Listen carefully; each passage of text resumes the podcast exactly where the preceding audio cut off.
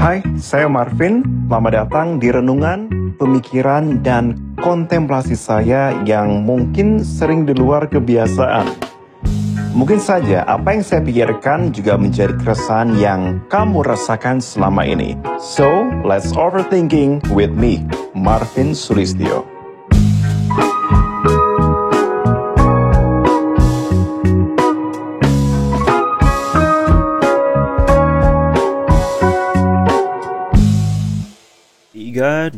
Satu and welcome back di Overthinking Marvin episode perdana 2021. Eh udah move on 2022. Gimana? Meskipun tahunnya udah move on, udah pada move on belum sama resolusi tahun 2021? Cie, kalau belum, marilah kita sama-sama move on teman-teman.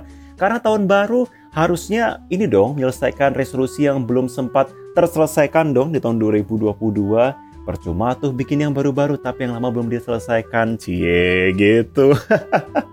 Teman-teman semua apa kabar? Semoga dalam keadaan yang sehat meskipun di tengah varian Omicron yang jenah masih membayangi kita di sekitar tapi kita tetap sehat ya, pikiran tetap positif dan kita semua tetap dijaga di bawah perlindungan yang Maha Kuasa. Amin semuanya.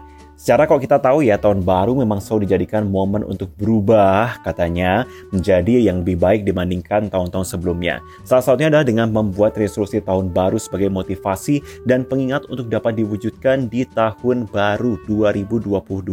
Langsung semua berlomba bikin uh, status buat 2022, langsung berlomba bikin resolusi, bahkan berlomba untuk melihat keberuntungan tahun 2022 di tahun uh, Imlek langsung mikir keberuntungan gue gimana ya tahun ini ya?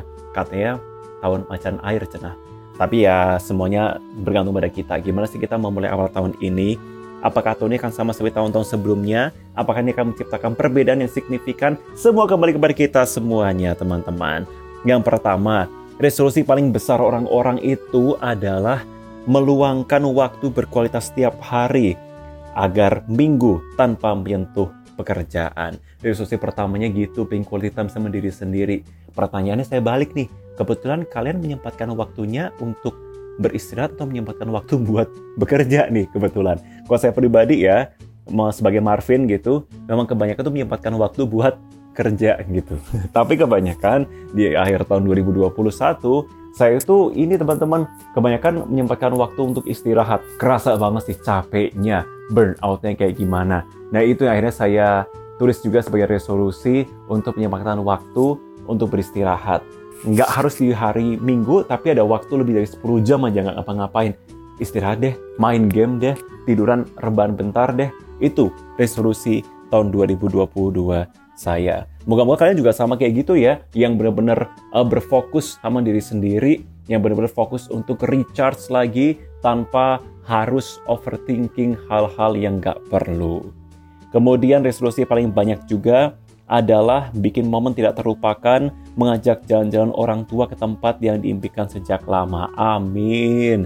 Bisa kok diwujudkan dengan jalan-jalan dengan orang tua ataupun orang terkasih di tempat-tempat terdekat misalnya kayak mengunjungi taman-taman yang banyak tanaman-tanaman hiasnya buat dibelikan buat orang tua itu bisa kok untuk mengajak orang tua dan sahabat kita untuk mengenal hobi-hobi baru ataupun juga quality time untuk ngobrol-ngobrol bareng. Gak harus jauh-jauh ke Kapadokia gitu kan. It's her dream gitu ya, bukan uh, our dream ya kita lihatlah kalau misalnya kasusnya COVID masih tinggi di luar kita mungkin dalam negeri aja gitu teman-teman supaya bisa quality time-nya bareng-bareng dengan ngobrol bareng atau jalan ke puncak gitu ya ada kafe-kafe yang menarik langsung kita duduk sambil foto-foto udah quality time yang oke okay itu terus kemudian resolusi berikutnya seperti yang paling banyak orang-orang tulis di sosial media nih Pak yang saya catat nih ya paling banyak kurang-kurangi makan makanan mecin Mari hidup sehat, pola makan, dan olahraga teratur. Ini biasanya bertahannya sih bukan satu bulan ya, satu jam biasanya. Tapi gue pribadi gue sudah memulai olahraga itu nggak intens sejak bulan November setiap hari dan ada waktu buat resting. Dan apa yang gue dapatkan gue jadi lebih bisa pikiran positif coy. Enak banget emang olahraga itu. Moga-moga kalian semua juga bisa punya resolusi itu ya olahraga. Nggak harus yang langsung ekstrim sewa piti kayak gue gitu, sosokan gitu ya. Enggak, tapi kalian bisa kok. Dengan mulai mungkin dengan bangun tidur langsung sit up or push up, besoknya ditambah lagi, terus kemudian makan makanan juga mulai dikurang-kurangin yang goreng-gorengan, yang yang dosa emang enak sih, kayak misalkan kulit ayam gitu ya. Kalau enggak, kol goreng, nah itu kan enak, tapi dosa kurang-kurangin lah supaya kita sama-sama hidup sehat di tahun 2022 ini. Ingat COVID masih melanda, pikiran juga harus sehat dengan cara makan sehat dan olahraga supaya overthinkingnya berfaedah. Gitu teman-teman. Kemudian ada resolusi lain nih ya yang cukup dibahas sama orang-orang yakni dijauhkan dari teman yang bermuka dua di tahun 2022 dan mendapatkan teman yang buah positif. Nah, bisa kok kita lebih selektif kepada teman-teman semua yang ada di sekitar kita. Tapi jangan sampai kita mentoksikan orang atas dasar pikiran kita sendiri yang belum terkonfirmasi. Yang ada bukan kita menjauhkan kita kepada orang-orang yang toksik, tapi yang ada kita mentoksikan orang-orang. Yang jadi toksik siapa? Betul, kita sendiri. Caranya gimana sih? Gampang kok kalau misalnya kita nggak suka sama orang, nggak usah kita umbar-umbar terlalu berlebih di sosial media. Nggak usah dikit-dikit kita share, kita kasih kode-kode or hashtag no mention di sosial media. Cukup kita batin aja. Kalau misalkan memang ada hal yang harus diungkapkan, langsung ngomong ke orangnya. Coba selesaikan permasalahan tersebut. Atau kalau misalkan memang kita sulit untuk mengungkapkan, ya udah cukup dibatin aja di dalam diri sendiri. Gak suka, udah cukup tahu aja, selesai. Gak usah kita toksikin ngomong ke orang lain. Yang ada kita ada konflik sama satu orang, kita beberin semua aibnya kepada orang-orang lain. Ya ada kita yang jadi toksik, kita yang dijauhin sama temen. Kita yang jadi resolusi malahan. Gak seru juga teman-teman ya. Untuk itu seperti itu. Cara lainnya kalau misalnya kita lagi bete, kita pengen mengungkapkan, kita pengen ngegibah, tapi kita tahu itu nggak sehat, adalah dengan melakukan kegiatan yang berfokus pada diri sendiri. Contohnya seperti siapa? Marvin Suristio. Caranya gimana? Nah, kalau gue itu caranya adalah dengan gue menyibukkan diri dengan main game di handphone ya. Untung ada game RPG, Final Fantasy, atau mungkin kalian punya kesibukan lain dengan nonton YouTube, uh, nontonin video receh di TikTok atau nontonin video receh di Marvin, bisa aja kok kalian lakukan seperti itu uh, untuk mengisi waktu-waktu yang lebih berfaedah dengan tidak memikirkan orang lain secara berlebihan dengan menyebabkan hanya dampak samping ataupun efek samping yakni bergibah dan mentoksikan orang lain. Ingat, semua dimulai di dalam diri sendiri.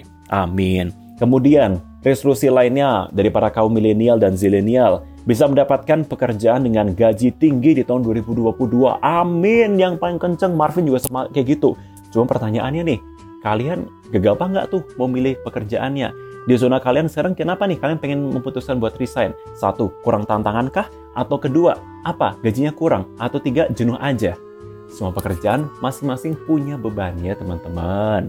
Semua pekerjaan ada masa dan fase jenuhnya masing-masing gitu. Positifnya kalau kita bekerja dengan ada passive income, ya kita seneng. Cuman kalau kita belum ada passive income, silahkan dimulai duluan dengan belajar saham. Bagi yang punya active income setiap bulannya, itulah sebuah hal yang bisa kita syukuri. Karena tidak semua orang, apalagi yang freelancer, itu bisa mendapatkan tanda kutip income tetap setiap bulannya. Mereka pun juga harus berjuang untuk memenuhi kebutuhan mereka setiap saatnya. Nah, untuk kalian semua yang kira-kira punya active income-nya setiap bulan tapi kok rasanya kurang, terus pengen coba resign, coba dipikirkan lagi apakah benar dengan apa yang kita cari di sini itu sesuai dengan apa yang pengen kita coba apply di tempat lain. Kadang gini, kita itu terbawa emosi karena kita cuma bete sama satu dua orang di tempat pekerjaan kita. Kemudian kita memutuskan untuk resign ya nggak salah sih sebenarnya yang tahu salah benar kan kita. Cuman yang bisa saya kasih tahu kepada kalian untuk ke depannya adalah kalau misalnya kalian apply ke tempat lain gitu ya. Nah, konflik pasti akan ada. Mungkin ketidaksukaan akan tetap ada, mungkin bisa berkurang atau mungkin bertambah dibandingkan tempat kita sekarang. Kita siap nggak dengan shock culture seperti itu? Kita siap nggak dengan deja vu moment seperti itu? Karena kalau misalkan permasalahan tersebut bisa kita selesaikan langsung atau kita distraksikan ke hal yang lain, kenapa kita harus pindah? Tapi kalau memang sudah mentok dan kalian memang merasa bahwa oke, okay, gue harus mengembangkan sayap di tempat ini, silakan, nggak apa-apa, bisa dilanjutkan. Asalkan jangan karena emosi sesaat, kita mengambil keputusan yang sesat. Gitu teman-teman. Dan kemudian lagi, resolusi yang paling banyak orang pikirkan dan tuliskan di sosial media. Mengikuti kursus pengembangan diri, pelatihan kerja di luar kantor, resign dari tempat kerja toksik. Coba kita lihat lagi bersama-sama. Seperti yang di poin sebelumnya, toksik itu apakah memang karena satu dua orang ini yang memang toksik atau karena kita yang mentoksikan dia? Itu bisa kita lihat. Kalau memang orang ini memang berdasarkan pengakuan banyak orang toksik, ya udah. Tapi kita masih bersinggungan langsung dengan pekerjaan, ya udah. Biarkan itu berhenti di tempat pekerjaan. Setelah di tempat pekerjaan, kita berkumpul bersama teman-teman yang bisa memberikan vibes untuk lebih lapang dada, vibes lebih lega, vibes lebih positif, baru kita kemudian bekerja lagi. Karena ikat sekali lagi, setiap pekerjaan akan ada masa resikonya sendiri. Akan ada masa jenuhnya, akan ada masa dejavunya juga sama seperti tempat kerja lama. Semua masing-masing akan ada momennya masing-masing. Kemudian, kursus pengembangan diri. Ini juga bisa loh kalian lakukan untuk di tahun ini. Nggak harus nunggu tahun baru sih. Kapan kalian merasa, oh gue pengen kelas dapat passive income, gue pengen dapat kelas saham, langsung apply. Bener loh, ini tuh berguna banget untuk mengisi waktu kekosongan kita yang overthinking nggak penting daripada kita overthinking yang nggak penting gitu kita akhirnya ke makan sama pikiran kita sendiri ngamuk-ngamuk sendiri di sosmed mendingan dengerin overthinking with Marvin. Oh enggak mestinya kalian bisa dengerin juga untuk speech motivational orang-orang lain ikutin pelatihan di tempat lain. Bisa loh dilakukan seperti itu. Jadi banyak hal yang bisa kita lakukan di tahun 2022 ini. Nah, episode kali ini memang cukup singkat ya. Kenapa? Karena kita pengen memulai tahun baru dong dengan semangat yang tentunya baru juga, lebih bersemangat lagi. Kalian mungkin punya resolusi yang belum terselesaikan tahun lalu, coba selesaikan tahun ini, kalau memang masih relevan ya. Karena yang tahu kadarnya, relevan dan tidaknya adalah diri kita sendiri. Tetap semangat di tahun 2022, dan jangan lupa buat subscribe juga, dengarkan terus episode Overthinking with Marvin, karena akan ada banyak sekali kejutan di tahun 2022. See you!